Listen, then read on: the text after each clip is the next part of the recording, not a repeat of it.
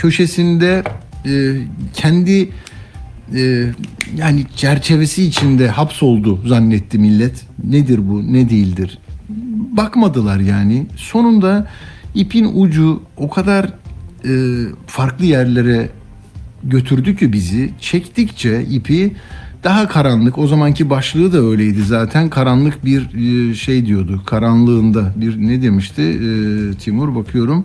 Karanlık dünya bir çocuğu yuttu. Tarikat karanlığında henüz 6 yaşında dedi. Önce bir refleks oluştu değil mi? Hayır canım olur mu bu kadar da olur mu sessizliğin ardından Bunlar sadece sizin ön yargılarınızla oluşmuş iddialar ve siz bizi mahkum etmeye çalışıyorsunuz. Geldiğimiz nokta bambaşka bir nokta. Gerçekten artık buradan kaçış yok. Bir, Timur'un işi sadece gazetecilik, savcının işi soruşturma yapmak ki bundan yıllar önce 2012'de yapılsaydı çok iyi olacaktı. O savcı hala görevde mi? Gelip de böyle katakulliyle bir 21 yaşındaki e, kızın kemik raporuna göre takipsizlik verme durumu ki dosyada nüfustan gelen yaşı da varmış. Olacak şey değil. Neyse. Ama şunu demek istiyorum. Şimdi o e, iktidarın sağında, solunda, kıyısında, köşesinde, kıblesini oraya göre ayarlayanların da ya e, bu kadar da değil dediğimiz şey hakikaten de o kadarmış e, noktasına getirdi. Gördüm bugün e, pek çok şeyi toparlamışlar. Hani tanımıyorum bu insanların bir kısmını ama olsun. Yani önce söyledikleriyle şimdi söyledikleri arasındaki farkı görünce anladık ne, ne olduğunu. Diyor ki önce mesela e, bu sol basının lanse ettiği bir şey. İşte bu ne diyor? Su, Tuğrul Selmanoğlu'ymuş e, o diriliş postasında yazıyormuş e, kendisi. Şimdi özür dilerim diyor. 6 yaşında nikahlanan kızla ilgili iftiradır dedim. Karalama kampanyasıdır dedim. Böyle bir şey olmaz dedim. Yanılmışım. Savcılıktaki ses kaydının dökümünü okudum ki bu Oda TV'de tam metin vardı. İnsan tüyleri diken diken olarak okuyordu onu. Yarıda bırakan arkadaşlarım var. Okuyamadılar. Anlaşılan olmuş. Bin beteri olmuş hem de yansın bu dünya, yansın bu dünya. Ne dünya yanacak ya? Bu, bu de, denetleme işini yapmayanlar burada sadece kağıtlarda böyle harfler yığını olarak duran düzenlemeler var. Tamam mı? Kim bilir o e, şeye vakfı vakıf adı altında örgütlenmiş bir şey gibi holding gibi bir yere düzenli milli eğitimde gidiyordur, sağlık bakanlığı gidiyordur, belediye gidiyordur. Hepsi de hani maden faciasından önce de gidiyorlar hepsini bakıyorlar. Ay ne kadar güzel yapıyorsunuz harikasınız. Sonra bom patlıyor. Burada da patladı işte. Yani usulüne uygun ve gerçek bir denetleme. Burada benim evlatlarım var, burada emekçilerim var. Burada bunlar ölmesin, burada bunlar böyle bir karanlığa mahkum edilmesin diye işini o yönetmelikte, tüzükte neyse işte kanunda anayasadan geliyor zincirleme. Yok Avrupa İnsan Hakları Sözleşmesi, çocuk hakları imzalıyorsunuz. İsterseniz giriyorsunuz, isterseniz çıkıyorsunuz. Çocukların değeri ne kadar ki? Bugün yine onu da söyleyeceğim de e, şeyde ya bir e, küçücük ben böyle dağıtırım konuları ama önemli olan hakikaten hissiyatımı söyleyeyim. Samsun'da Vezir Vezir Köprü ilçesinde okul bahçesinde bir evlat değil mi? Pota aniden katlanıyor ve arada ölüyor. O kadar çocuk var ki baktım en son hatırımda kalan bir çocuğun yine parkta oyun parkında oynarken bir elektriği açık bırakmışlar. Çarpılmıştı, ölmüştü. Orada 27.500 lira para cezası verilmiş. O elektriği kapatmayıp o evladı öldüren 8 yaşında 7 yaşındaki çocukları öldürenlere biz 27 bin lira para cezası veriyoruz arkadaşlar. Maden madendeki o faciada da 27 bin lira vermişlerdi. Sonra adamı genel müdür yaptılar. Biraz meselenin bütününe bir bakın. Yani devlet memurunu yargılatmaz, tren kazası olur. Hiçbir olayın müsebbibi olmaz bizde. Yani güç güçle alakalı bir şey bu. Güçsüzsen sana yıkarlar yani meseleyi. Ama Burada bir etik sorun yok mu? Ahlak sorunu yok mu ya? Neyse vaktimiz kalırsa onları söyleyeceğim ya. Burada işte bir sürü insan demiş ki ben böyle demiştim ama hayır ya hakikaten burası felaketmiş. Erkene alın diyor birisi de bak Mert Armağan. Erkene alınıp karar verin. Bu çocuğa böyle bir şey yapıldığını düşünmek istemiyorum. Ben önce görmemiştim falan diyor. Tamam mı? Ahlaksız demişti bu haberi yapanlara bunlar. Demek ki şöyle ne olursa olsun burada bir iddianameyi ilkini yapamayan savcı ikincisinde iki sene içinde anca yapabilmiş. Ama sorular bitmiyor. Timur bugün de sorular soruyor. Çok akıllı sorular. Yani herkesin belki sorması gereken sorular. Ya ben mesela en çok neye takıldım biliyor musunuz? Diyor ki dördüncü sorusu Timur'un. Kız çocuğu eğitimden mahrum bırakılırken devlet bunu nasıl belirlemedi? Tarikatlar tarafından eğitim hakkı engellenen kaç çocuk var ve bunun için ne yapılıyor? Ya ya tek başına bu bile bak sistemin nasıl çalıştığını anlatıyor bize. Size ne diyorum ben? Yasalarınız çok güzel. Tamam mı? Hepsi uyum yasaları da yaptınız. Yaparsınız ya. Bak şimdi anayasayı 150 kere değiştirirsiniz. Tamam da niçin yapıyorsunuz bunları? Hani ha? Daha değil mi insan yaşamına e, dair önleyici, koruyucu, onu geliştirici, ülkeyi de daha iyi noktalara e, taşıyacak bir şeyler olması lazım. Eşgüdüm içinde bir koşu bu. Yani bunları koyacağız ki kuralları ve biz böyle bir toplum ve böyle bir ülke yaratmak istiyoruz diyeceğiz. Al 2 222 sayılı İlk Öğretim ve Eğitim Kanunu. Bak 1961'de kabul edilmiş. Var maddeleri. Ararsan bulursun. Her yıl derslere başlamadan en az 15 gün önce muhtarlar okul müdürüyle işbirliği yaparak köy ve mahallelerdeki mecburi öğrenim çağında bulunan çocukların künyelerini gösterir. 3 nüsha çizelge hazırlayıp birer nüshasını nüshasını okul idarecilerine ve ilçe eğitim müdürlüğüne verir. Diğer diğerini de yanlarında saklarlar.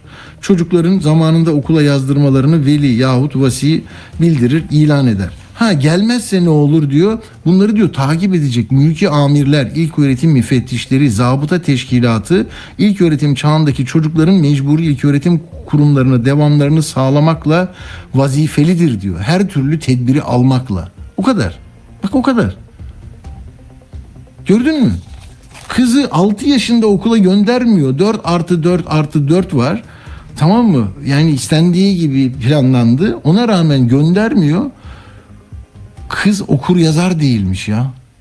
O dilekçesini bile buradaki işte iki yıl önce Kasım 2020'deki bir Ege kentinde o teyip kaset bilmem ne kocasından ayrıldıktan sonra şikayet ederken e, alıyorlar bunu bir devlet yurdunda koruma altına alıyorlar.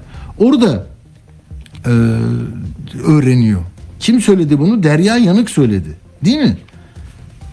Derya Yanık. Gelin şimdi önce onun sesini dinleyelim. Yani bakın devlet Kasım 2020'de bir kız evladının ben bunları yaşadım. Bak bir kere takipsizlik verdiler. Ben bir daha kasetler doldurdum. Bu adam itiraf ediyor diye gittikten sonra bir yurda konuyor. Okur yazar kılınıyor.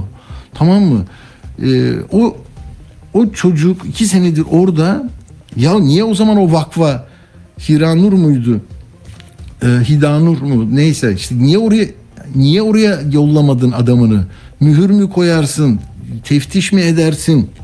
Yok. Çünkü hayır oraya dokunan yanıyorsa dokunamıyorsun işte.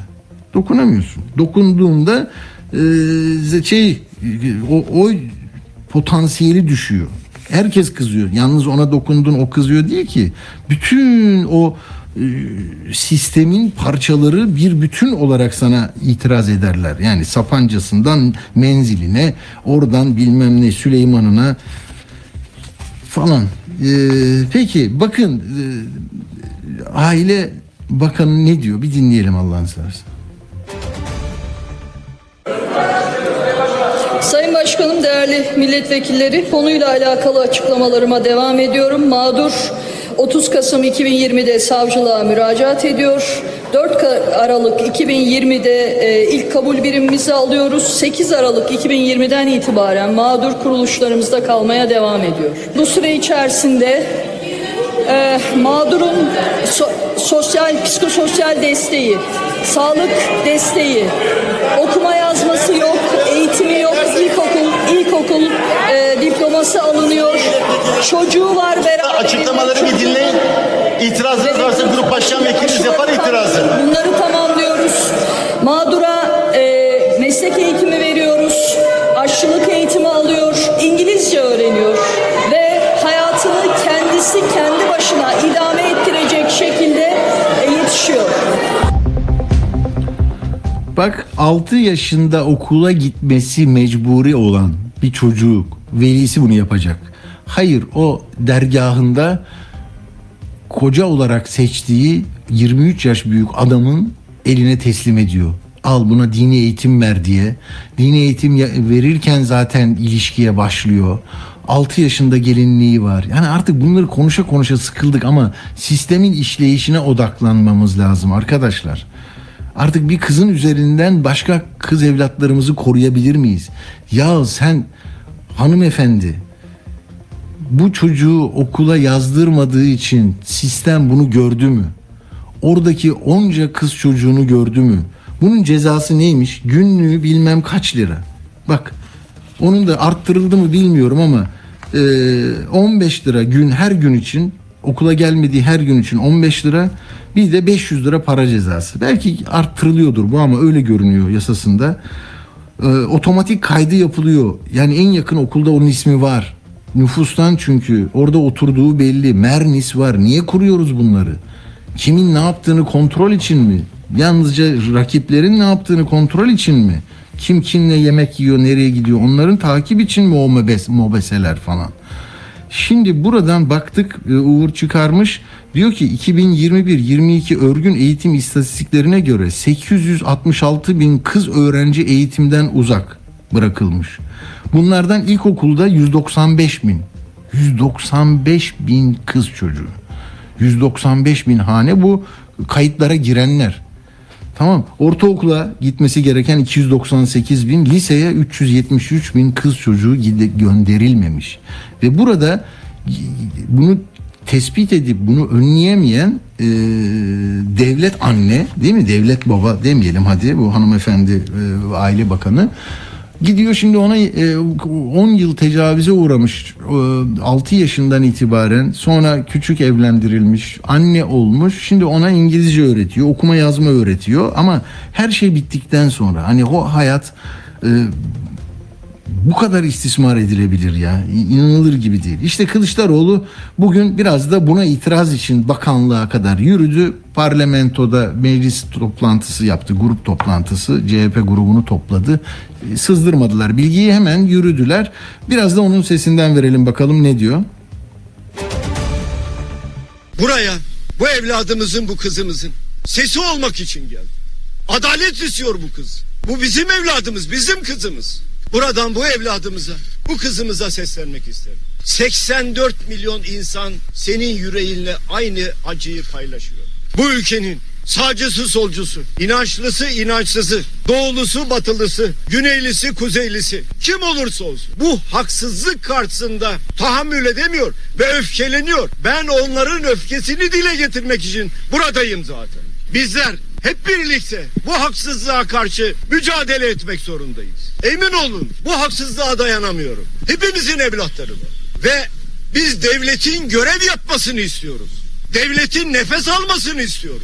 Devletin haksızlığa karşı tahammül etmemesini, gizlememesini, haksızlığın üzerine gitmesini istiyoruz.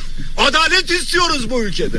Adaletsizlik karşısında susanın dilsiz şeytanlar olduğu bir ülke olmak istemiyoruz. Artık siyasal iktidarın, polisin, savcının elini kolunu bağlamasını istemiyoruz. Haksızlık mücadelesi var. Haksızlıkla ilgili olan tablo bizim tahammül edeceğimiz bir tablo değil. Ülkenin bu kadar derdi varken, bu kadar büyük acılar yaşarken, siyasal iktidarın hala ve hala görevini yapmaması, devlet aygıtını çalıştırmaması tahammül edilecek bir durum değil.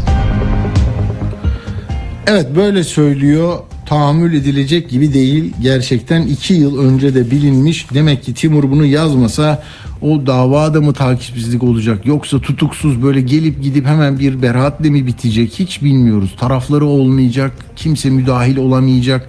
Yani gördük diyor bakan ondan sonra işte 3 Aralık'ta biz e, bunu görünce arkasından da e, şey yaptık. e, biz taraf olduk, girdik davaya müdahil olduk diyor.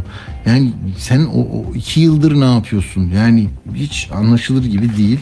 E, Emine Erdoğan da işte çok eleştiri vardı. O da çocuk istismarı insanlık dışı suçtur, sapkınlıktır diyor. Hiçbir dine, geleneğe sığmaz. Takipsizci olacağım diyor. Adaletin tecelli edeceğine inanıyorum diyor. Yani bu bir şey kırıldı bir barikat. Ondan sonra geliyor bu ama Erdoğan'dan henüz gelmedi. O nasıl gelir? Onu birlikte bakacağız, göreceğiz. E, dediğim gibi e, mesele tabii bütün mecliste de Serra Kadıgil'in mesela o sesini dinletmek isterim size. Serra Kadıgil de İşçi Partisi'nden e, Bakan Hanım'ın bu laflarından sonra bakın nasıl tepki verdi. Beni ne ilgilendirir biliyor musunuz? 6 yaşında bir çocuğu 30 yaşındaki müridine eş diye veren o şerefsiz tarikat şeyhi o beni ilgilendirir işte. Beni ne ilgilendirir biliyor musun? 2020 yılında ben o çocuğu koruma altına aldım deyip de ağzını açıp teklif etmeyen, o tarikatın kapısını basmayan, ne Yusuf Ziya Gümüşel'e, ne o çocuk tecavüzcüsü Kadir İstekli'ye tek bir laf edemeyen, onları tutuklatamayan, sonra da utanmadan aile bakanı diye burada oturan bu kadın ilgilendirir beni. Evet böyle tansiyonu yükseltiyor bu mesele. Çünkü uzun bir süre sus- suskunluk. Yani o kız evladının kendi yaşam öyküsünde nasıl o karanlık bu kadar uzayabilir? İnsan akıl sır ermiyor. 6 yaştan şimdi 24 yaşına gelmiş ve arada bir takipsizlik. Sonra şimdi duruşmanın ta 22 Mayıs'a ertelenmesi. Hani seçimler bitecek. Belki de 21 Mayıs'ta ya da o 14 Mayıs'ta yapacaklar diye tahmin edenler var. Hani biz seçim sonuçlarını konuşurken o duruşmaya birileri girecek çıkacak. Öyle değil mi? Ondan sonra da zaten Türkiye böyle balık hafızalı derler ya balığa da hakaret ediyorlar. Neyse işte yani unutup gideceksiniz. Sonra yine o holdingler çalışacak. İşte bilmem nerede yanmayan terlikler de olacak. Böyle paralar da toplayacaklar. Kendi hükümranlıklarını dü- sürdürecekler. Böyle gidecek. Peki Mehmet Teskan hattımızda gazeteci dostumuz e, o bu konuları hem yazıyor hem de öteden beri e, tepkisel olarak e, doğru şeyler de söylüyor. Sevgili Teskan merhaba hoş geldiniz. Merhaba, iyi yayınlar. Çok teşekkürler. Ne diyorsunuz? Son geldiğimiz noktada biraz daha böyle o barikatlar kırıldı ve insanlar artık eleştirmeye başladılar. Anladılar herhalde değil mi? Bununla böyle bir şey yapamayacağız, polemik yapamayacağız diye. Vallahi herhalde uzun süre bu işin üstünü kapatmak için uğraştılar ama herhalde başa çıkamadılar. Timur'un ortaya çıkarması, medyaya yansımasından sonra izlemişsindir. Birkaç gün iktidara yakın medya da sustu. Bir şey Evet. söylemediler. Ya muhalefet partisi de sustu. İyi? Parti'de, CHP'de falan. Hmm. Hepsi böyle 3-4 gün sustular. Sonra Ömer Çelik tweet attı. Ya bunu biz kabul edemeyiz falan filan derken ertesi gün bir baktım Hürriyet Gazetesi manşete çıkartmış. Ya, ya. Ya, böyle bir rezalet olmaz yani. Bu olay çıkalı dördüncü gününde, beşinci gününde sen diyorsun ki aa böyle bir şey varmış diyorsun. Niye? E saraydan direktif geldi. Tabii Belli. serbest dediler. Yani serbest yazabilirsiniz. Biz de karşıyız dediler. Sonra nasıl herkes lanet okumaya başladı. Abdülkadir Selvi hariç tabii. Onu ayrı tutalım. Değil mi? O biraz Değil mi? 28 Şubat'a bağlayarak acaba buradan şey olur mu diye bakıyor.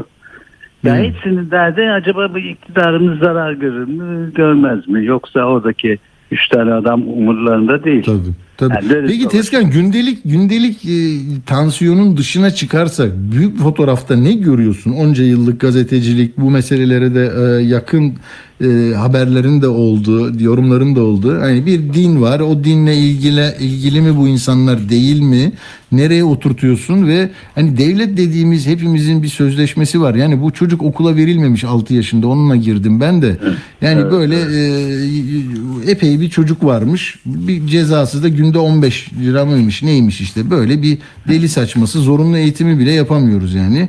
866 bin kız çocuğu e, zorunlu eğitimde değilmiş. 195 bini de ilk öğretime ge- gelmemişler. Annesi babası yollamamış yani. Evet. Şimdi baktığın zaman hakikaten şey yani Türkiye'yi bir damga vuruldu bu ülke e, İslam ülkesi muhafazakar bir kitle var. Siyasette ona uyarlanarak yapılıyor. Yani siyaset önce olmuyor. Toplumun önüne geçmiyor. Toplumun önünü açmıyor bizde. Bu şimdiki mesele değil ya. Tabii 1950'lerden beri diyelim. Tabii. 60'lardan beri. Evet. Ne oluyor abi bizim toplumda o zaman siyaseti de uydurmamız gerekir diyorlar. Şimdi tarikat meselesi bu tür cemaatler, bu tür oluşumlar. Bunların bir kısmı hakikaten insanlar, fakir insanlar mecburen çocuklarını vermiş o tarikatlara, o yurtlara. Hani kendi imkanı yok diye teslim olanlar var. Oradan bir gelir elde etsin, bir yaşam sürdürsün diye. Bir bunu kullananlar var. E şimdi siyaset, siyaset bunu ne yapıyor? Yani madem böyle bir mesele var. Ben buradan nasıl faydalanırım? Nasıl bunu oya, ranta, paraya tahvil ederim? Çünkü artık tarikat dediğimiz şeyler birer holding olarak karşımıza çıkmaya başladı. Binalar, yerler, yurtlar, paralar, bağış toplamalar. E, toplanan para biz mesela bir, şeye bağış toplasak izin verirler mi bize? Vermezler. Ya bakın İBB'nin şeyini bile geri aldılar değil mi? Şey, Ya topladığı İBB parayı. Ya İBB'nin topladığı parayı bile artık yani belediye yok artık Ya. diyeceğiz değil mi? Yani hem de salgın sırasında hayır Evet. efendim toplayamazsın diyorlar. Ama bu tarikatlar bir, bir takım şeyler takır takır para da topluyor, bağış da alıyor, yardım da yapıyor. Ama niye işte dediğim gibi siyaset onun o muhafazakar olarak ülkeyi kabul etmiş. Onun peşine takılıyor. Ben bunda bu milleti nasıl buradan daha fazla oy olarak sömürürüm diye bakıyor. Yoksa hakikaten siyaset kurumu öncülük yapsa e, Türkiye yavaş yavaş başka bir noktaya girer. Bunlarla uğraşırdı. Tarikatlar, bu tür cemaatler, bu tür yapılar. Ama bir süre sonra bunlar yavaş yavaş kırılır. Türkiye daha böyle bir modern, daha farklı bir yola girerdi.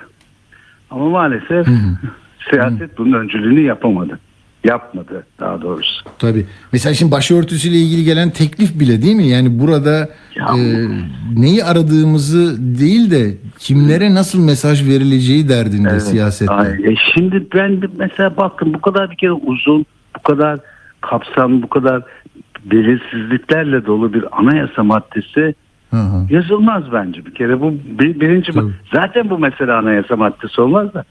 Hadi Evet. olsa bile bu kadar olur mu? Bir kere diyorsun sonra dönüp e diyorsun ki her kişi kendi dini inancından dolayı Ya. kılık kıyafetini giyebilir. Peki benim dini inancım Taliban ne yapacak? hı. Öbür kişininki bu şey baba peçe kiminki şey diyecek ki ya ben peçeyle gelirim. Benim dini inancım bu. Burkayla gelirim tabii. Öbürküsü burkayla gelirim diyecek. Yani çünkü bakın İstanbul'daki bir Anadolu Müslümanlığı var. Bir Arap Müslümanlığı var. Suudi Müslümanlığı, hı. abileri. E dönüyorsun bir İran var. İşte İran ne de halde karışık. Dön Afganistan var.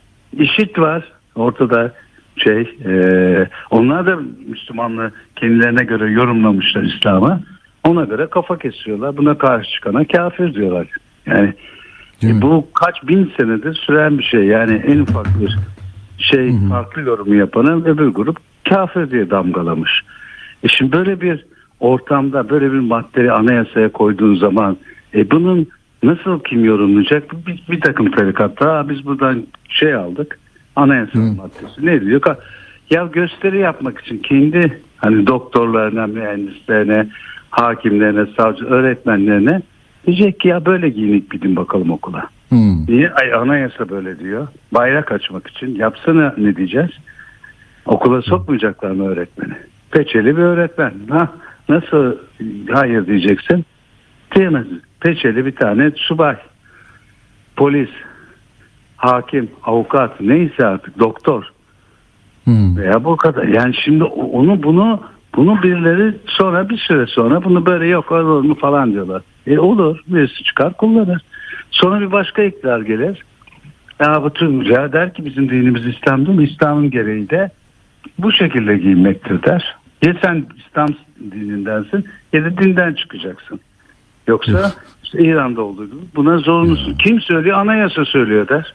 Herkes dini inancına göre Türkiye'nin dini inancı da İslam dini olduğuna göre sen de ne bileyim çarşafa bürünmek zorundasın derse ne diyeceğiz? Bak anayasa maddesi derse.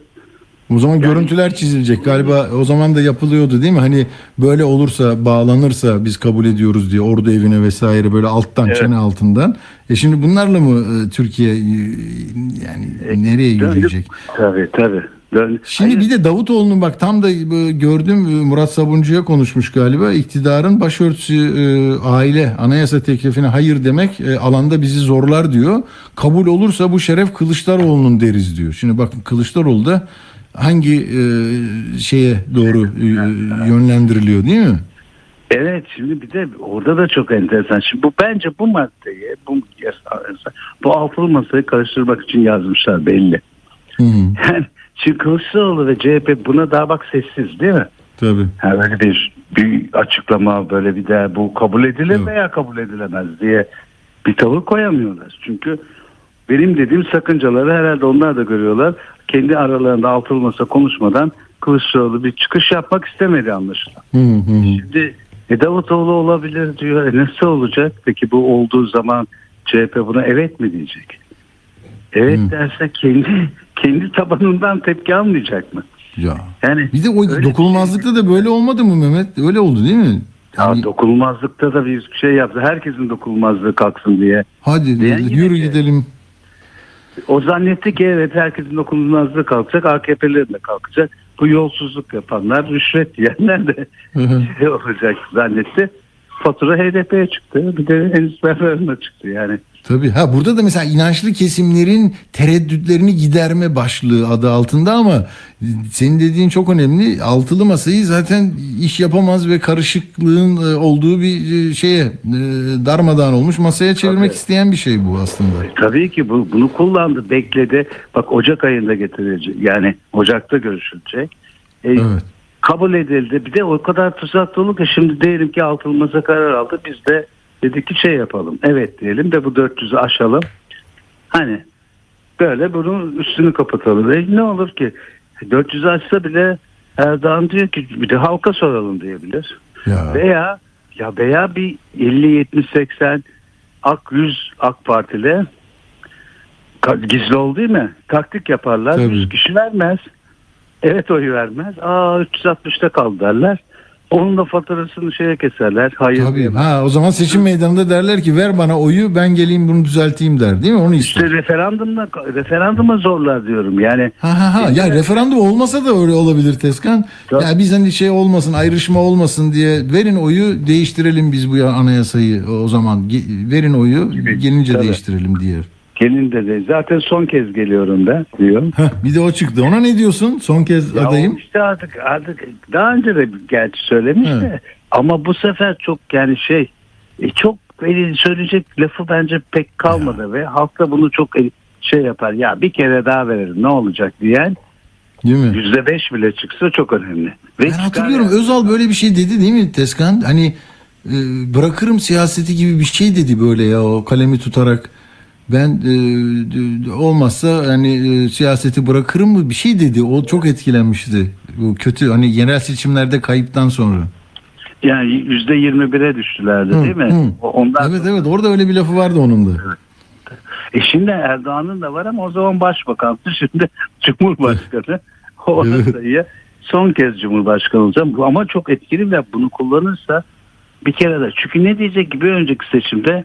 E, bu kardeşinize oy verin görürsünüz enflasyonla, faizle, kurla nasıl uğraşacak, nasıl zaptırap altına görürsünüz dedi.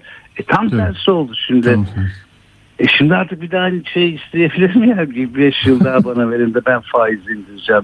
Kuru aşağı çekeceğim. Şunu yapacağım, bunu yapacağım. E ne diyecek? Şunu yaptık, bunu yaptık. Evet.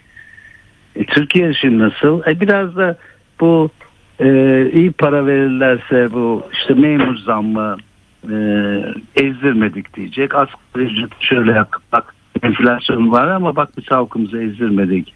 İşte bunlar marketlerin dış güçlerin oyunu falan diyecek ama Ya. bir kere son bir kere daha bakın bırakıyorum lafı çok bence güçlü ve etkili bir söz olduğunu düşünüyorum. Yani o belli bir kitle yani kararsız şimdi çıkanlar var muhalefete de gide gitmiyor ama ya bir şey yapsa da şu Erdoğan ve AK AK Parti daha çok Erdoğan bir şey olsa da hani tekrar dönsem dönünce de gerekçem olsa. Yani Tabii ha bir de yani kırık kırılmıştır. Tamam AK Parti'ye oy vermiştir 20 yıl. Kırgındır şimdi. Hane gelirleri düştü darmadağın oldu. Ama ya baksana bunun böyle mi finali böyle mi olacak reisin ya? Verelim bir son kez. Bak zaten de gidiyormuş. Tabii, Orada da tabii. gençlere bırakacağım diyor. Size de bırakmaz diyor. Bu millet size mi bırakacak zannediyorsunuz diyor ya. Yani sanki böyle hani tayin edilmiş birilerine kanun hükmünde kararnameyle mi bırakılacak yönetim ya? Anlamadım ki ben onu. işte bir de dediğin gibi bir kitlenin de vicdanını rahatlatmak var. Şimdi Hmm. bir takım verdim oyu bak terse gitti fakirleştik komşunla fakirleşti. Komşun esnaf iş yapamaz hale öbürküsü battı. Öbürküsü işsiz kaldı falan filan. E şimdi ben hala AK Parti dersem vicdanı insanın Hı hı. sızlıyor. Ama şimdi "Aa, ne yapayım? Bak bunu yaptı ama bak düzelecek söz verdi ya. Bir- bırakıyor adam ya gidiyor artık. Bitti. Bak saray maray uçak hepsini bırakıyor. Hiçbir Hı. şeyde gözü yok. diye bir Tabii. hava da işte 24 yıl, çeyrek yüzyıl, çeyrek yüzyıl olacak. Peki. Tezkan muhalefet cephesinde ne oluyor? Son 6 dakikayı da öyle değerlendirelim. Ya ne diyorsun? Şimdi İmamoğlu'na sıkıştırıyor gazeteci ama ne diyecek yani? Bu buradan bir şey çıkmaz bence de bugün sabahleyin de şeydeydi, İsmail'deydi. Ee, ar- arkadaşlar kesmiş bir küçük bant ama e, ben dinleyemedim. Ee, bir dinleyelim mi birlikte? Belki onun Dinleyelim, üzerinden dinleyelim. yeni Tamam. bir şey var mı diye bakarız. İmamoğlu adaylık. Tamam. Kılıçdaroğlu aday olmaya hevesli gözüküyor. Benim edindiğim bana soruyorlar. Dost meclislerinde Bütün gördüm. Cumhuriyet Halk Partililerin adayı Kemal Kılıçdaroğlu. Sizin? E tabii ki. Sizin de. Yani ya bu doğal bir süreçtir ama günün sonunda karar verecek olan altılı masadır. Yani altılı masanın kararıdır. Genel başkan bütün Cumhuriyet Halk Partililerin adayıdır. Bunun altını çizmek lazım ama karar tabii ki altılı masanındır. Altını çizmek lazım günün sonunda. Hep altılı masa, altılı masa. Yani Meral Hanım'ın da olduğu masa. Tabii tabii. Şimdi o biraz da yani İmamoğlu da biraz şey istiyor yani. O da niyetlenmiş bu işi belli. Fakat tabii ne diyecek genel başkanı kendisine oraya aday gösteren kişi ki ben olacağım diyor. Şimdi hayır ben olacağım olmaz. Bu büyük bir parti içinde de tepki alabilir falan. O yüzden yavdur altılı masadan bir karar çıksın diyor. Altılı masada ne diyeceğini bence bilemiyor ve görünen o ki altılı masa biraz Kılıçdaroğlu olsun pek istemiyorlar gibi bir taraf Hmm. şey var. Buradaki bütün karar verici bana göre belirleyici Akşener'dir. Yani Ya. çünkü Akşener Kılıçdaroğlu'na tamam dedikten sonra ey Davutoğlu'yla Babacan yok desen olur, var desen olur. Yani onlar pek fazla bir şey yapamazlar. Ee, Evet. Ama Akşener ya öbürkülerle birlik birlik olup da ya kusura bakma Sayın Kemal Bey bu iş ya bir biz İmamoğlu'nu denesek falan daha iyi dediği an şey, iş döner ki anladığım kadarıyla Mansur Yavaş'ın da pek bir şansı kalmadı. Bu HDP'nin ona tamamen bir tavır koyması yani bizden oy çıkmaz biz bir aday daha çıkarırız pozisyonuna gelmeleri kendi adayımızı çıkarırız pozisyonuna gelmesi Mansur Yavaş'ı biraz bence zayıflattı yani. Mansur Yavaş aday olsa sonra Mansur Yavaş'ın da kürsüsü yok yani.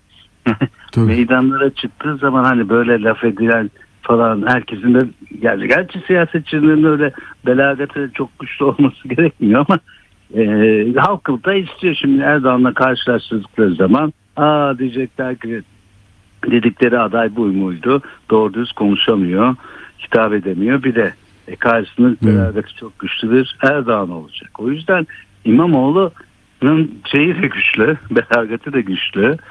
Sevimli de çıktığı zaman işte dolduruyor o e, kamerayı da dolduruyor, ekranı dolduruyor, kürsüyü de dolduruyor. Öyle bir şey var ama bu saatten sonra Kılıçdaroğlu olmazsa CHP böyle bir ne yapar, ne eder hani bir de çok kullanacak zaten. Bak olmadı altılması istemedi CHP şöyle yaptı ne yaptı diye. Muharif şey yani iktidara yakın e, medya bu işi çok kullanacaktır. İşte Kılıçdaroğlu istemedi, şunu istemedi. C, koca CHP gitti yüzde birlik e, Gelecek Partisi'ne teslim oldu falan gibi bunun dedikodusu şeyleri e, televizyon tartışmalarında çok da olacak CHP'de hakikaten yıpranacaktır ve CHP seçmeni de kafasında çok soru işareti olacaktır diye düşünüyorum. O yüzden Peki son olarak Mehmet Tezkan Deniz Zeyrek 16 Nisan demiş. Hani 14 Mayıs var. Ee, geçenlerde Kara Osman Karamollaoğlu ne? Ee, Temel Karamollaoğlu ne demişti? Mayıs'ta Ee, ha şey dedi. Yani belki Mart'ı bile yapabilirler dedi. Mayıs'ta olur dedi. Ne diyorsun öyle bir şeyin var mı tahminin? Ama şimdi Cumhurbaşkanı'nın meclisi feshetmesi gerekiyor. Hı hı. Başka bir başka bir çözüm yolu var mı? Yok. Yok. Yani 360'ı bulamıyor. AKP, MHP, bağımsız şu bu. Zaten vermez onlar. E bulamadıktan sonra bir ay öne çekmek için Cumhurbaşkanı meclisi feshetmeyi göze alır mı? Meclisi feshetmeyi. Hmm. Gerekçeyle etti? Gerekçe yok. Şimdi bambaşka bir şeye girer. Cumhurbaşkanı meclisi feshedebiliyor. Bakın feshetti. Niye etti? Hmm. Kendi çıkarı için etti. Gibi bir eksi puana da dönebilir. Ha, muhalefet de ya bu oyuna gelip daha erken seçim. Erken seçim olmuyor ki bir ay önceki iki ay önce yapılacak seçimi erken seçim denmez. Seçim tarihini öne çekmek için o tuzağa düşüp oy verir mi? Vermemesi lazım yani muhalefetin yok kardeşim biz ne zaman Haziran'da yapalım gel bu işi Haziran'da yapalım niye öne çekelim de Ramazan'dan hemen sonrasına getirelim gibi bir Tabii. Hatta aday olamaz diyorlar ya bekle Haziran'ı zaten o aday olamaz YSK'ya gideriz vesaire öyle senaryolar da var ama E birileri zaten başvuracaktır yani bir, bir, bir takım Tabii. partiler şeye e, diyecekler ki e, bu aday olamaz diyecekler. YSK'dan karar bekleyecek. Yani orada bir tartışmalı süreç var. Ama feshettiği zaman ne olacak? Yani o da yine aday, aday olma hakkını elde edecek tabii bir yönüyle. E ama meclis diyor meclis seçim kararı alırsa hani üçüncü defa olabiliyor. Hmm. Kendi feshet Feshederse olmuyor mu? olmuyor. Feshettiği zaman e tamam feshederse gidiyor ama iki kere doldurmuş olur. Bu üçüncü hak sayılıyor mu sayılmıyor mu işte o tartışma konusu. Değil mi? Ama Meclis kararı olursa zaten o zaman olabiliyor. E, o zaten onun, o yüzden herhalde son kez diyor. Ya bu, bu, bu bilmeceleri çözmekle geçti 45 yılın ya Tezkan. Ya Ha, şey- başladığından beri böyle mi olur böyle mi olur? Bir İsviçre'de gazeteci Ben- olsaydın şimdi huzurlu golfünü oynardın vesaire yani. Sen zor senin işin de zor yani. Ben canım sabahlar tenisimi oynuyorum şimdi. Bunu biliyorum zaten. Acaba- Ama çok iyi. su- Acaba diyorum şey e, Erdoğan muhalefette pazarlığa mı oturuyor? Ha. Niye diyeceksin? Yani ben son kez olacağım. Hmm. Gelin meclis karar alsın. Hani bak bir daha olmayacağım. Açıklıyorum kamuoyuna. Bitti. Gelin hani yenersiniz beni sandıkta yiyin. Yenme, yenemezseniz de bak son kez bu. O tartışmalar da olmasın. Ülke yıpranmasın. Meclis seçim kararı alsın. Seçim kararı alınca tartışma biter. Çıkın beni sandıkta yenecekseniz yenin diye Evet. Bu şeyi getirdi ortaya diye de bir soru. Belki Samsun'daki lafta onun altyapısı diyorsun yani olabilir. E işte Enteresan. altyapısını yavaş yavaş başlayıp muhalefete ya hadi alın seçim kararı. Bak ben son kez diyorum. Hmm. Ha, madem beni yeneceksiniz yenin sandıkta. Böyle bir tartışma da olmasın yani o bir daha olacak mı olmayacak mı diye. Ben son kez olduğunu ilan ediyorum. Doğru. Hiç Ama. Kemal Bey için de öyle değil mi Tezkan? Kemal Bey de zaten kazansa da kaybetse de son kez yani onun için de öyle. Tabii aslında. ki onun için de herkes Bunu şey söylemesine gerek yok zaten öyle olacak. A- Akşener için değil. Evet. Zaten Değil, evet. evet. O- yüzden zaten o da ileri oku- okudu bütün bu gelişmeleri. Ben başbakan adayım dedi. Tabii. Hemen kendini oradan çıkardı. Hiç ben karışmıyorum. Ben başbakan adayım dedi. bu sürecin hakikaten Kemal Bey kazansın kazanmadı. Öyle olsun böyle olsun. O gideceğini CHP'de çok büyük değişiklikler olacağını gör, gördü Evet. herhalde. Ondan hemen başbakandan niyetlendi. Peki Mehmet Tezkan çok teşekkür ediyoruz bizimle olduğun Ben için. Sağ olasın. Sağ ol iyi akşamlar. Yayınlar. Evet yani bu Samsun'da hafta sonu duymadıysanız böyle lafı var. Diyor ki inşallah 2023'te milletimizden kendi adımıza son defa istediğimiz destekten alacağımız güçle Türkiye yüzyılın inşasını başlatıp bu kutlu bayrağı gençlerimize teslim edeceğiz. Yani bak teslimin yeri de belli. iadeli taahhütlü. Nereden anlıyoruz? Diyor ki aşağıda da Türkiye'de bu milletin AK Parti'den iradeyi alıp size vereceğini mi zannediyorsunuz? Muhalefet cephesine. Gördünüz mü? Seçimden sonra çoğu zaten tasfiye olacak diyor. Hani Yunanistan'a da şey işte böyle bak ayar öyle bir ayar ki yani mutfakta olsa laboratuvarda olsa işte hem öyle hem coşturucu e, şeyler işte petrolde buluyoruz gençlere bırakıyoruz ben son kez Yunanistan'da zaten bizim füzelerden korkuyor E, Atina'yı vurur diyor e vuracak tabii sen rahat durmazsan yani böyle bir şeyle dozla gidiyor. Siz de takip ediyorsunuz. Başka e, yani Zeyrek 16 Nisan diye yazdı. Bunu da bir şey gibi tahmin toto yapmak istemiyoruz. Çok kötü. E, şimdi biraz ekonomiye gideceğiz. E, hemen e, aradık mı acaba Doğan Bey'i? Aa Doğan Bey hatta çok iyi. Peki şimdi Profesör Doğan Cansızlar e, eski SPK başkanıdır kendileri aynı zamanda. Atılım Üniversitesi e, işletmede Maliye Bölüm Başkanı Sayın Cansızlar. Merhaba efendim hoş geldiniz. Merhaba efendim, iyi yayınlar diliyorum. Çok teşekkür ederiz. Şimdi sizin e, hem büyük tecrübeniz var hem de akademi tarafındasınız, e, üniversitedesiniz, gelişmeleri izliyorsunuz. Ben son bir toplantıdaki notlara bakıyorum. E, orada şöyle bir ifade kullanmışsınız. Nadiren rastlanır buna. Dördüz açık ortaya çıktı. Bu mesela bu ekonomimiz için ne anlam ifade ediyor? Yani bu açık kapanabilir ve e, belli bir süre içinde yeniden e, denge sağlanabilir mi diye başlayabiliriz. Evet, e, Atilla Bey'di değil mi? Evet. Şimdi e, Buyurun. aslında e, olayların başlangıcı e, 12 Mart 2021'de yeni ekonomik reform programı açıklanırken e, Evet. dört temel unsur öne çıkarılarak başlamıştı. Orada da Hmm. yatırım, büyüme, istihdam, ihracat geliyordu. Ve burada enflasyonla mücadele ikinci plana kalmıştı. Ama Evet. seçimler yaklaşırken enflasyonla mücadele mi? Yani daraltıcı, sıkılaştırıcı, kemer sıkılaştırıcı politika mı yoksa gevşetici hem maliye hem de para politikaları mı diye tercih bu yönde oldu e, hükümetin.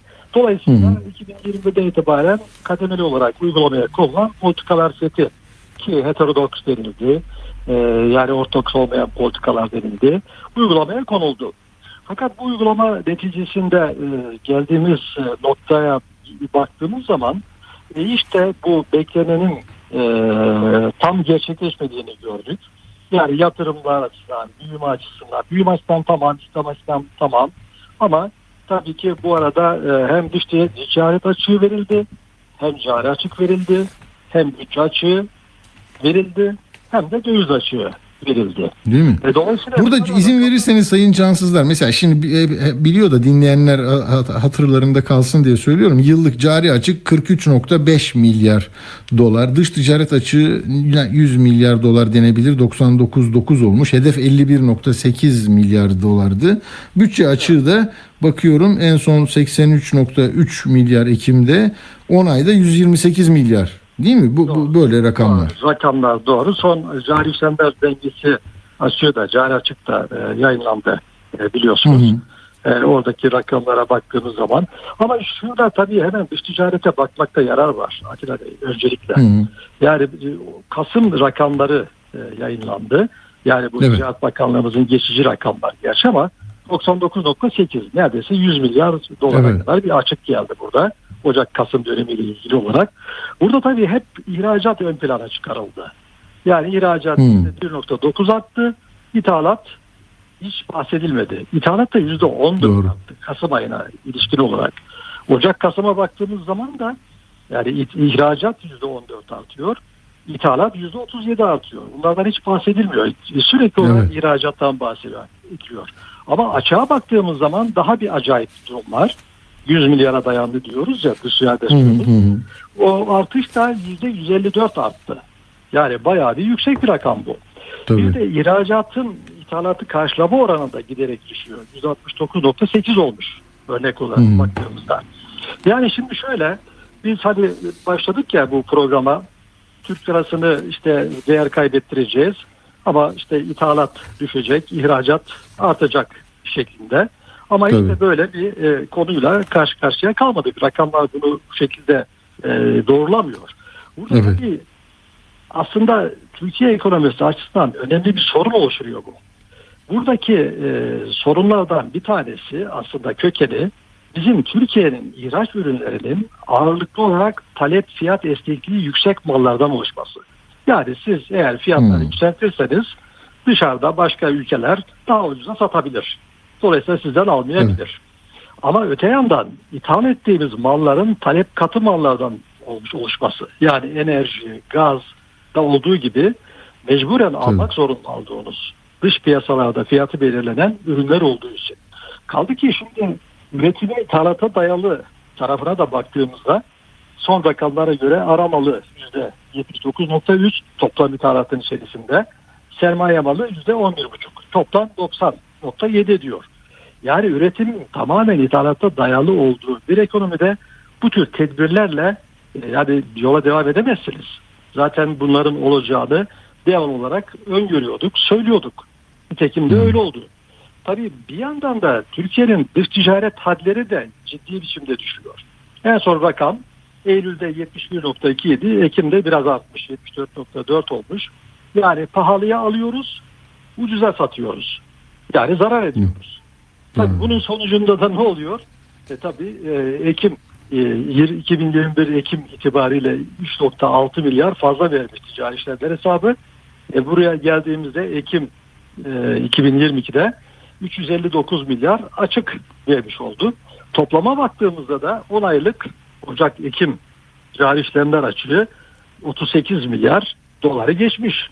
Hmm. Sonunda da bu Zaten Bakan Bey e, değil mi Sayın Cansızlar Ne- Bakan Nurettin Nebati de der ki e, bu 2022 en kötü yıl olarak tarihe geçecek diyor. Kesinlikle yani bu zaten bu rakamlar onu gösteriyor. Devletin resmi rakamları bunlar. Zaten kaldı. Sayın Bakan'ın söylediği yıl sonu itibariyle bunun 50 milyar dolar olacağı. Cari işlemler açığının 50 Hmm. milyar dolar olacağı yönünde bir beklenti. Çok yüksek bir rakam bu. Burada bir başka nokta da cari açıkla ilgili. Cari açığın finansman kalitesi çok bozuldu. Ne demek bu? Toplam 38 dedik yani son 10 aylık 38 milyar dolarlık cari açığın 20 milyar 21 milyar dolarlık kısmı yani yarısından fazlası net hata noksan kalemiyle yani Ya. nereden geldiği belli olmayan paralarla karşılanmış. Biz buna cari açığı finansman kalitesinin bozulduğuna işaret olarak bakarız. Ama bu hani para gelsin de nereden gelsin tamam güzel ama diğer taraftan OECD'nin gri listesine giriyoruz. Yani bu net hata noksan normalde bilançoda denkleştirici bir kalemdir. Hı. Yani 100 e, işte bin dolar olur. En fazla 1 milyon dolar olur.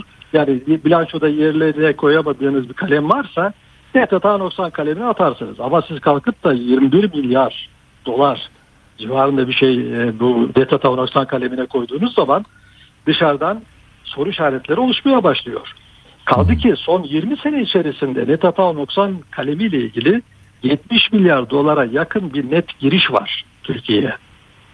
Yani nereden geldiği belli olmayan rakamdan bahsediyoruz. Ve o nedenle de OECD'nin işte mali eylem gücü grubunun biz de üyesiyiz oraya gri listede olduğumuzu özellikle belirtelim. Tabii. Yani bu yıl sonu itibariyle cari açığın milli gelir oranı %4'ün üzerine çıkacağı tahmin ediliyor zaten. Sayın Bakan da bunu söylemişti. Ama ne demiştik biz? Düşük TL ile işte ithalat düşecek, ihracat artacak, dış ticaret dengesi iyileşecek, hatta fazla verecek, enflasyon düşecek. E sonuca bakıyoruz yeni ekonomi modelinde rekor çare, cari açık ve rekor ticaret açığı olarak ortaya çıkıyor. Peki ekonominin bütününde bu nasıl bir e, yönetilemeyen ve iyi ge- e, iyi gö- görünmeyen bir şeye e, yol açıyor? Yani bu kadar açık veren ekonomide mesela bireyler e, ne bileyim dar gelirliler bir, bir yönüyle bundan etkileniyor mu acaba? etkilenmez olur Ekonomi. mu? Etkilenmez olur mu? Tabii ki bu açıkların verilmesi artı enflasyonla ilgili mücadelenin yani mücadele ediliyormuş gibi gözüküp de edilmemesi, serbest bırakılması biraz önce bahsettiğim yeni hı. ekonomi programı çerçevesinde çünkü seçimler var. Dolayısıyla enflasyon vatandaşı en A'dan Z'ye herkesi etkiliyor. Dolayısıyla bir yandan enflasyon yüksek, bir yandan da faizler düşük.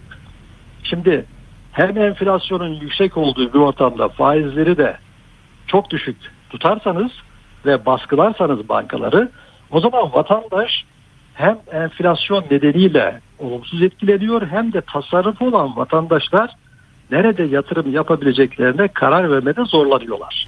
Ya onun için belki gayrimenkul, otomobil değil mi? Bunlara E, tabii, bu arada Ben- işte borsaya yönelmeler var. Bunlar öyle yorumlanıyor zaten. Birikmeye de gidiyor, biriktirmeye de gidiyor. Nasıl olsa artacak enflasyon e, ya da Hmm. işte faizler artacak ileride daha kötü olacak şeklinde onlara gidiyor. Dolayısıyla bir TL'den kaçış gibi bir durum söz konusu oluyor aslında. En büyük Ya adı da liralaşma dedi değil mi? Merkez Bankası Başkanı liralaşma olmuyor o zaman. Efendim tam tersi. Burada yani şeye baktığımızda döviz mevduat hesaplarından dolarizasyon diyoruz buna biz. Evet. Oranlarına baktığımızda yüzde 67 68'leri falan geldiğini görüyoruz. Yani kur korumalıyı tamam getirdik okey ama kur korumalıda da beklenen olmadı. Çünkü döviz suni olarak baskılandığı için şu ya da bir şekilde e, aradaki fark ortaya çıkmadığı için kur korumalı mevduattaki yatırımcı vatandaş buradan çıkmaya başladı nitekim. Zaten Sayın Bakan'ın da bir beyanatı oldu biliyorsunuz.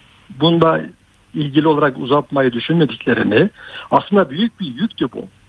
Bu kendi kendine bu şekilde temizlenmesi aslında bu hesabın aslında çok faydalı olur. Bunun uzatılacağı de ben ben de zannetmiyordum. Sayın Bakan da bunu ifade ettiler. Aslında o zaman para nereye gidecektir diye bakıldığında işte gayrimenkul, otomobil, stoklar Tabii. ve daha önce e, hiç düşünmedikleri ama almayı planladıkları işte mal ve hizmetleri almak, satın almak şeklinde aslında bu bir ölçüde enflasyonu da körükler hale geldi getiriyor bu olay. Yani faiz enflasyon tutarsızlığı sebebiyle bir çeşit paradan kaçış süreci yaşanıyor. Bu süreçte enflasyonu körüklüyor resmen. Hı. Dolayısıyla biz de kalkıyoruz işte fahiş fiyatla ilgili efendim marketlere işte baskınlar düzenliyoruz. Piyasa Evet. ekonomisinde hiçbir değeri olmayan bu anlamda e, bir e, tedbir almaya çalışıyoruz. Aslında olayın kökü o değil. Başka bir şey Hı. olması lazım. E, döviz- dövizde talep de eskisi gibi çok fazla yok. Baskılandı. Nereden bakarsak bakalım. Sürekli müdahale ediyoruz. Şu ya da bu şekilde. İşte bankalara üzerinde baskılar var. Kredi verirseniz belli bir dövizi e, e, tutmak zorundasınız. Ya da verdiğiniz kredi olarak işte müşterilerin e, döviz almasını engelleyeceksiniz gibi Tabii. gibi. TL mevduatta bir oran tutturacaksınız değil mi? Yani bunların Aynen hepsi. Tabii. En son e, zoraki şeyler. Peki son 4 dakika e, Sayın Evet. Cansızlar son 4 dakika 4,5 dakikaya şöyle biraz geleceği konuşsak e, ne dersiniz? Yani bir seçim zamanı yaklaştı olacak. Yani yeni bir iktidar var. A partisi, B partisi. Önünde nasıl bir e, çetin görev var değil mi? Ne olacak? Yani bozulan dengeleri yeniden yerine oturtmak e, sırasında biz yine bir e, bedel ödeyeceğiz herhalde. Mutlaka efendim. Şimdi şöyle seçim nedeniyle harcamalar çoğalacak bir defa. Bunu hemen hemen herkes bekliyor. Bütün döviz piyasaları sakin olacak. Efendim fiyatlar belli bir oranda e, yükselmeye devam edecek. Az etkisi de olsa. Seçimlere kadar bol miktarda e, müjdeli haberler, bol miktarda Hı. harcamalar. Nitekim işte 2023 bütçesine baktığımızda 4.4 e, trilyonlar liradan bahsediliyor. E, arkasından 2023-22 ile ilgili bütçe harcamaları konusunda 461 milyar TL'ye revize edildi bütçe açığı. Daha burada epey bir marj var. Yani ücret artışları, Hı. EYT'liler, efendim memur maaşları, işte zam, kamu zamlarının ertelenmesi, e, bayağı bir güzel bir ortam hazırlanıyor seçimlere kadar.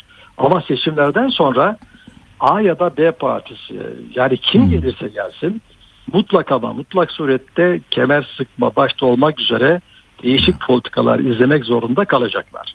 Bu da bizim biraz canımızı biraz değil çok fazla canımızı acıtacak diye söyleyebilirim. Çünkü seçimlerden sonra bu yapının sürdürebilmesi mümkün değil zaten. Bu kadar kırılganlıkların olduğu bir ortamda bu politikalara devam etmenin mümkün olmadığını düşünüyorum aslında. Ve seçimlerden sonra mutlaka hangi parti olursa olsun Tabii. e, farkı yok. Mutlaka değişik bir politika setiyle, ekonomi politika setiyle e, bu enflasyon başta olmak üzere bu kırılganlıklarla mücadele yollarını arayacaklardır diye düşünüyorum. Peki e, efendim çok teşekkür ediyoruz Profesör Doğan Cansızlar'a bize katkı sundunuz. E, hocam e, sağ olun. Teşekkür ediyorum Teşekkür katıldığınız için. ediyorum. İyi yayınlar diliyorum efendim. Sağ olun. Çok teşekkürler. Evet. e, yani isim olarak yıllarca bildiğimiz Profesör Doğan Cansızlar böyle yorumluyor memleketin ekonomik vaziyetini. Şimdi e, bir dakika sonra zaten saat 18 olacak ve yeni konulara geçeceğiz. Bir Antalya'ya gideceğiz onu da haberdar edeyim sizi. Bir de Arda Acaröz bir e, acarlık yapmış. Bizim e, şeyden Gürcistan'a gitmiş Sarp'tan telefon almak için nasıl bir sonuç elde ettiğini tahmin ediyor musunuz? Arda'yı tanıyorsunuz değil mi siz mesela? Kaç telefonla gelmiştir? Ne kadar bir getirisi vardır bu Gürcistan seyahatinin? Onu konuşacağız Arda'yla. Ee, ve dediğim gibi Antalya'daki durumu vakit olursa Uğur Koçbaş'tan da mutlaka biraz bu Avrupa Parlamentosu'nda karışıklıklar var. Katar'a rüşvet meselesi var. Onu da dinlemek istiyorum. O zaman hızlıca şimdi aramıza gidiyoruz ve 18'de hemen başlıyoruz Antalya'dan. Şimdiden arıyoruz Hidayet Bey'i.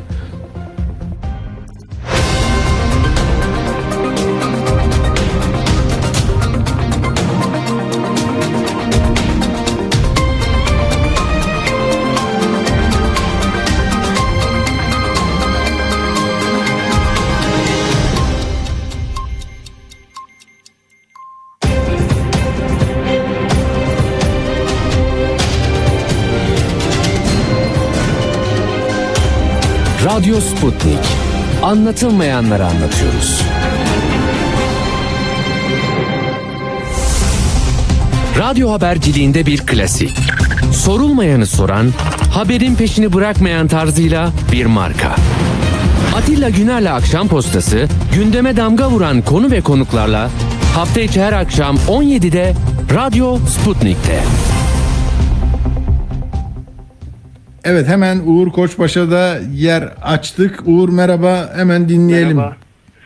Şimdi Avrupa Parlamentosu'nda bir rüşvet skandalı var. Ee, polis baskınlarıyla bu iş 16 eve polis baskını yapılarak ortaya çıkarıldı. Şimdi Katar'ın e, Avrupa Parlamentosu kararlarını etkilemek için e, üst düzey isimlere rüşvet dağıttığı iddia ediliyor. Ki bunların arasında Avrupa Parlamentosu Başkan Yardımcısı Eva Kaili de var. Yunan e, parlamenter.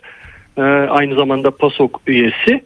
E, şimdi onun mal varlıkları donduruldu. Yunanistan'da e, milletvekili pardon partisinden ihraç edildi. Yani çok geniş kapsamlı ve üst düzey bir e, operasyon olduğu söyleniyor. E, şimdi 2022 Dünya Kupası'na ev sahipliği yapıyor Katar biliyorsunuz onda da aynı şekilde rüşvet iddialarıyla gündeme gelmişti ve bu e, Dünya Kupası ev sahipliğini rüşvet vererek aldığı iddia edilmişti.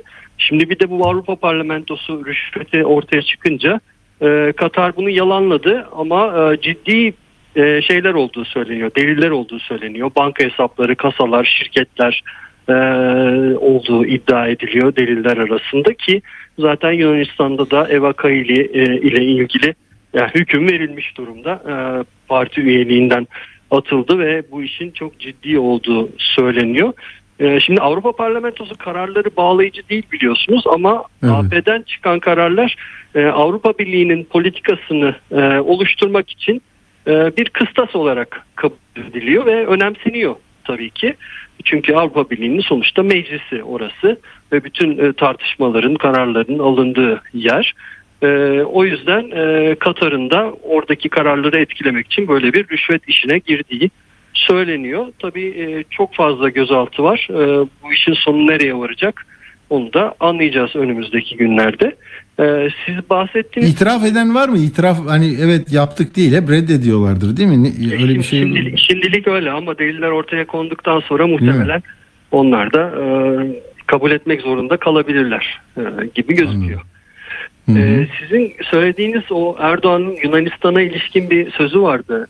Evet vururuz. Yunan, Yunan ürküyor Atina'yı vurur diyorlar. E vuracak tabii diye Samsun'da e, kullandığı bir Hmm. ifade vardı. Yunanistan'dan hemen buna cevap geldi. Yunan Dışişleri Bakanı Dendias e, tepki Hmm. gösterdi e, buna. bu Kuzey Kore tavırları NATO Hmm. e, NATO'ya giremez ve girmemelidir e, dedi. Ankara'ya Kuzey Kore e, tavır uyguladığı suçlamasında bulundu. Yunanistan'a yönelik füze saldırısı tehditlerinin bir müttefik ülke, bir NATO üyesi tarafından yapılması kabul edilemez ve evrensel olarak kınanmalıdır e, ifadesini kullandı. E, Peru'dan bahsetmiştim e, geçen hafta e, Cuma günü e, yayını kapatırken orada e, devlet başkanı Castillo meclise darbe yaptığı gerekçesiyle e, azledilmişti, gözaltına alınmıştı. Fakat taraftarları ortalığı şimdi yakıp yıkıyorlar. E, iki kişi öldü gösterilerde. Polis göz yaşartıcı gazla bastırmaya çalışıyor. Havalimanı kapatılmak zorunda kaldı. Yollara barikatlar kuruldu. Bayağı bir çatışmalar var. E, 50 polisin de yaralandığı söyleniyor. Yani Peru bayağı e, hareketli e, günler yaşıyor. E, hareketli gün yaşayan Avrupa ülkeleri de var. Sebebi de futbol yine. E, Fas biliyorsunuz Portekiz'i yendi. E, ilk Hmm. defa yarı finale çıkan ilk Afrika ülkesi oldu. Fakat Faslılar da ortalığı yakıp yıkıyorlar. Özellikle Belçika ve Hollanda'da çok fazla Faslı nüfusu vardır. E, oraya göçmen olarak gidenler. Onlar e, kutlama gösterilerinde e, biraz çığırından çıktı iş. E, kontrolden çıkınca polis orada da müdahale etti. E, şişeler taşlarla polisle bir çatışma durumu söz konusu. Yani Fas biraz gönülleri kazandı ama bu eylemlerle birlikte Avrupa'ya da şey yapıyor. E, biraz zor günler yaşatıyor. Hı hı. En sonunda Brezilya ile e, bitireyim. Biliyorsunuz başkanlık seçimlerini orada Bolsonaro aşırı sağcı başkan kaybetti. E, kaybettikten sonra da uzun süre seçim sonuçlarını tanımamıştı. E, sonra e, hadi dedi tanıyayım. E, ama şimdi silahlı kuvvetlere bir örtülü darbe çağrısı yapmakla suçlanıyor. Çünkü dedi ki silahlı kuvvetlerimiz sosyalizmin önündeki son engel. İnanıyorum ki silahlı kuvvetler birlik halinde diye bir açıklama yaptı. Ee, İşçi Partili Lula kazanmıştı. Onu işte Hı.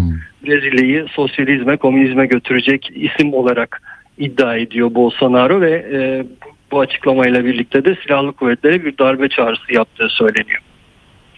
Anladım.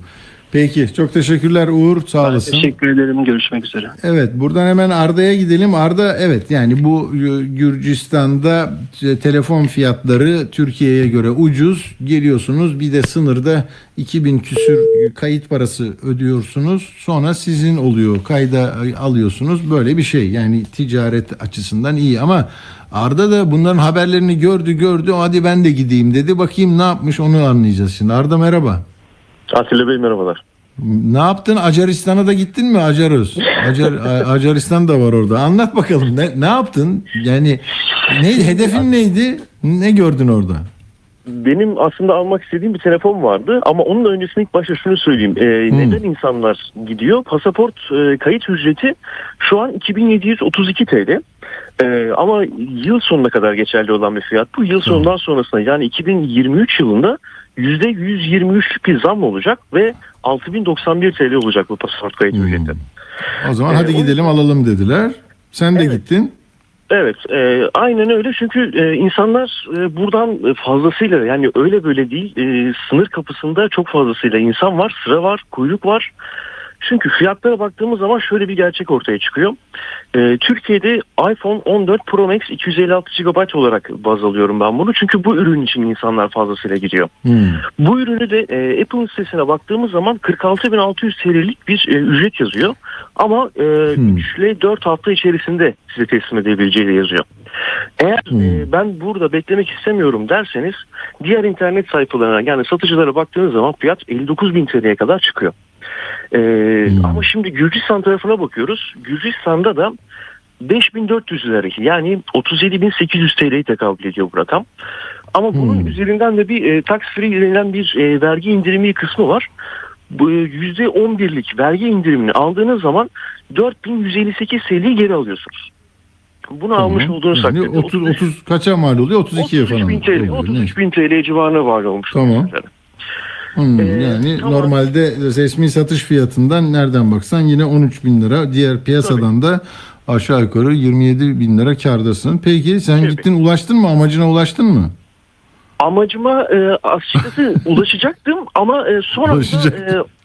oradaki e, almaya gelen benim gibi almaya gelen insanların fiyatları 4 gün öncesinde e, takribi olarak 500 lira e, artırıldığını fark ettikleri için Kaç olmuş yani?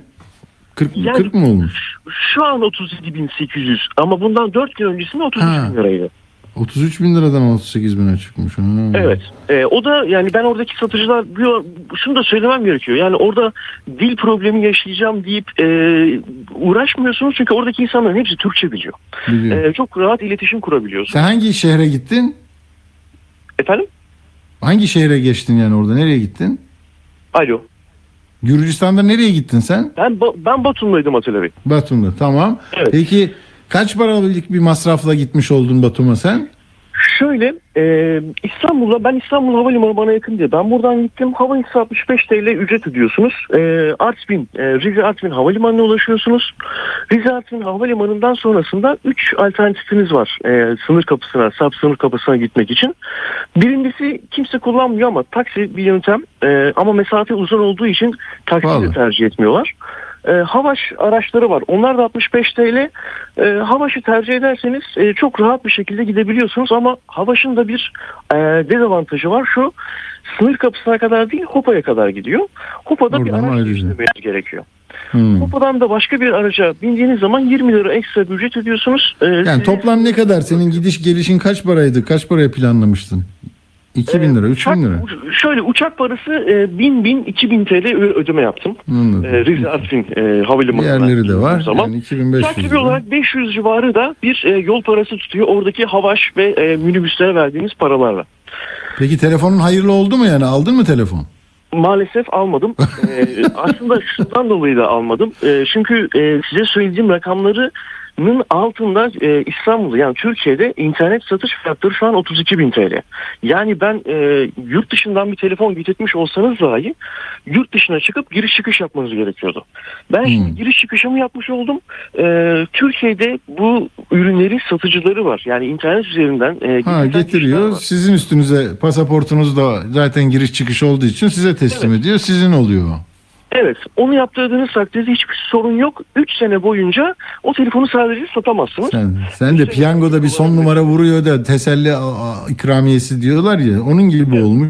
Sen oradan kendine şimdi şey çıkartıyorsun. Halbuki gidip oradan telefonunu alacaktın sen değil mi? Evet. 13 bin Evet, lira benim kar edecektin. Yani benim Ama e, telefon vakti sahibi ki Arda çok kalabalık. Hı. Ee, Sıra vardı değil mi? Çok uğraşamazdın yani. Atilla Bey şöyle söyleyeyim size. İlk başta Türkiye'den Gürcistan sınırına e, geçerken e, çok fazlasıyla insan olduğundan kaynaklı hani vatandaşlar da gerçekten hani yıl sonuna kadar bu e, fırsattan yararlanmak amaçlı diyelim yoğunluk var. Bu yoğunluk şöyle ilk giderken takribi olarak bir 3 saat 3,5 saat bekleme aşamasındasınız. İlk başta e, pasaport kontrol Türkiye ondan sonra Gürcistan pasaport kontrol sonrasında sınırın giriyorsunuz alabilirseniz isterseniz telefonunuzu alıyorsunuz ama dönüşte daha büyük bir kalabalık var. Artı e, dönüşte şöyle bir şey daha var. Bu daha demin söylediğim e, yani e, vergi indiriminden yararlanmak istiyorsanız dönüş uçağınızı ona göre almanız lazım. Çünkü O da 5 sıra. saat bekleyen 6 saat bekleyen insanlar var bu indirimden yararlanmak için. Oo. Eğer bunları gerçekten Neyse bir macera oldu sana işte. kesinlikle Ha, senin gibi peki gidip de almayanlar var mıydı? Çok. Almadılar değil mi? Birçok insan. Çok Tabii. var çünkü bayiye gidince ancak fiyatları öğrenebiliyorsunuz. Ama mesela e, daha yaşı büyük olan insanlarla da karşılaştım. Onlarla da konuştum. Onlar e, Türkiye'de yurt dışından satılan telefonların var olmadığını bildikleri için almışlar. Bilmiyorlarmış. Hmm. O yüzden aldılar. Bu arada Peki en son söyledin ya şimdi yurt dışından bugünlerde gelmiş birisi gitti söylediğin telefonu aldı. Kaç paraya satacak sana? Yani sen yine oradan bir karlı olacağını mı düşünüyorsun?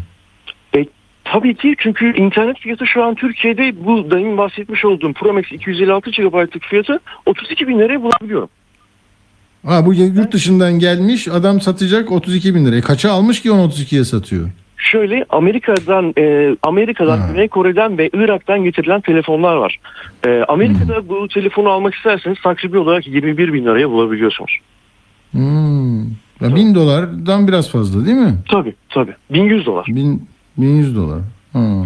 O zaman ülkelere göre değişiyor. Anladım. Bulgaristan'da belki başkadır, orada başkadır, her yerde farklı.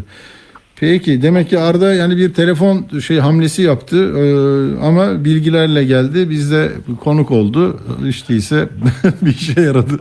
Biraz da memleket gördü. Ha, şunu da söyleyeyim Atilla Bey. Ben o sırada e, 3-4 saatlik sırada beklerken birçok insanla tanıştık.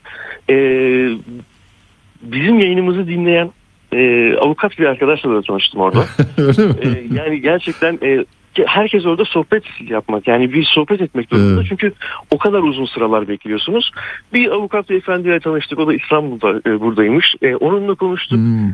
Yani o kadar e, aslında farklı farklı ülkelerden gelen insanlar da var ama iletişime geçiyorsunuz birbirinize ayılan bayılan insanlar da var. Yani bu sırada beklerken onları ön plana Avukat Bey tanıdı mı seni Arda? Meşhur Arda sen misin dedi mi?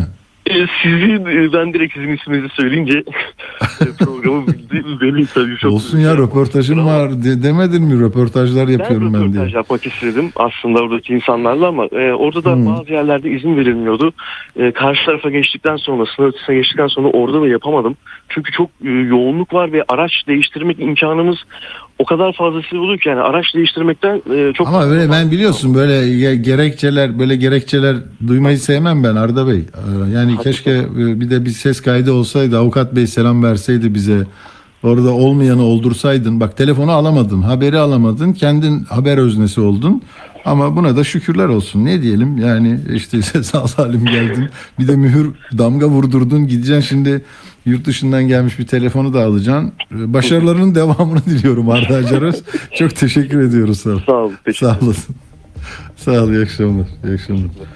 Evet bizim Arda Acar Arda böyle yapmış maceralı bir yolculuk olmuş. Fena değil. İşte siz de bilgilendiniz. Peki şimdi Antalya bağlantı var mı yok mu ben çok emin değilim. Ee, Necdet bir ara versin bir baksın. Çünkü Bakan Bey gelmiş Antalya'daki bu Kumluca'da Finike'de belki de bağlantı sağlayamayız ama köprüler yıkılmış. O gavur çayı çayın adını bile gavur çayı demişler. Ne nedir ne değildir anlamadım onu da. Ee, ve orada çok sıkıntı e, olmuş. Gördüğünüz araçlar böyle e, nasıl sel aldı götürüyor bütün araçları üst üste iki araç üst üste gördüm. Felaket bir görüntü. Tabii orada şey var sera üretimi var çok yaygın. E, Kumluca Ziraat Odası Başkanı'nı daha önce de bağlantı sağladığımız için ondan öğrenmek istemiştim ben. Hidayet Kökçe'den ama e, herhalde çok yoğun e, aramaya çalışıyor ama e, bakan oradaysa zaten mümkün olmayabilir. Ben o zaman şu son e, çalışmıştım da buna onu söyleyeyim size. Arkadaşlar hani bu çocuklar 6 yaşındaki çocuktu değil mi? Sonra gitti 14 yaşında bunu savcı beyle konuştu, anlattı hikayesini ama biz e, şimdi 10 yıl sonra onu yani gözümüzün önünde mağdure haline getirdik, kurtaramadık. Şimdi inşallah kurtaracağız. Orada bir çocuk bu. Bak buradaki tablo çocuk tamam mı? Oraya, oraya odaklanın. Ben bu cumartesi günü işte alırım ya ben gazete.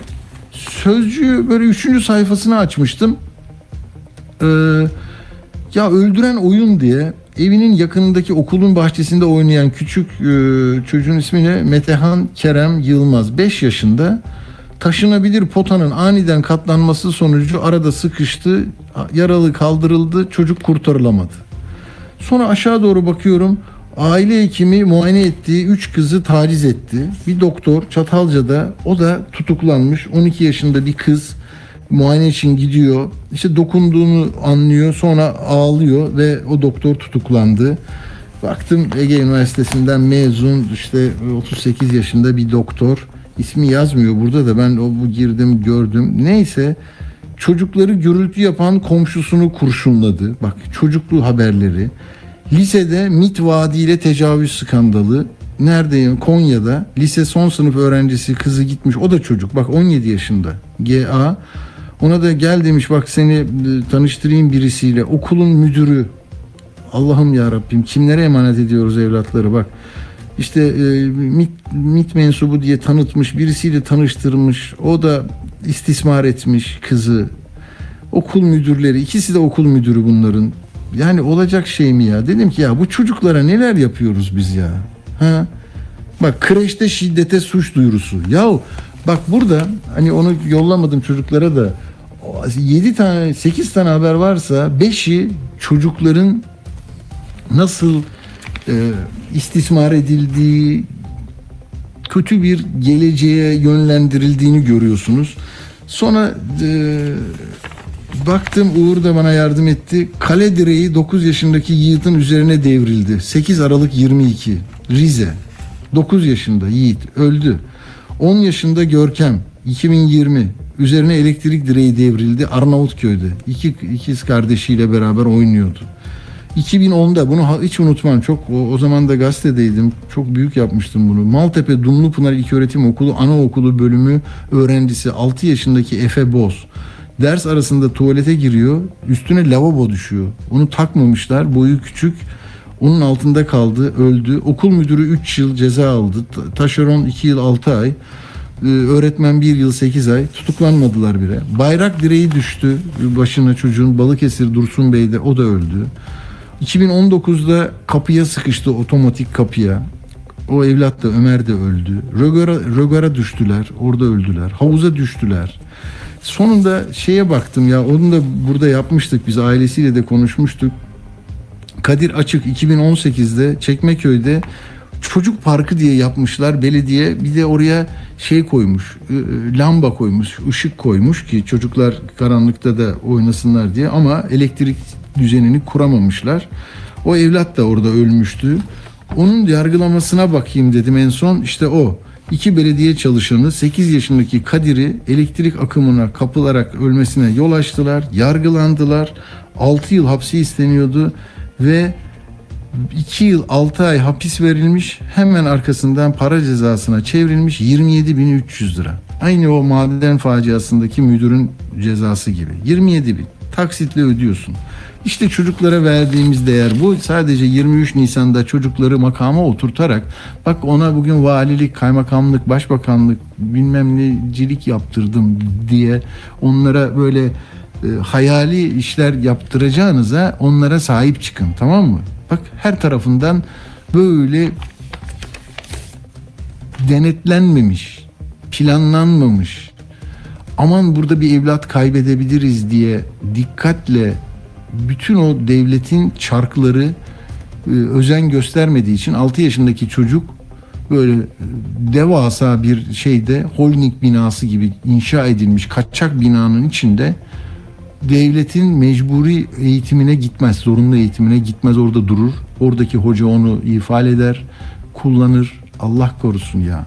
Sonra kaç yıl sonra kızcağız hı? Şimdi burada e, dava konusu ve biz onu konuşuyoruz. Ama bir bütünün parçası bu. Bütüne bakın. Aksayan iyi gitmeyen yanlarını görün ve talep edin. Yoksa ne yapacağız? Biz böyle olup biten kötü haberleri vereceğiz. Onlar geçecek, unutacağız. Bir daha gelene kadar devam edecek bu zincirleme. He? Olmaz.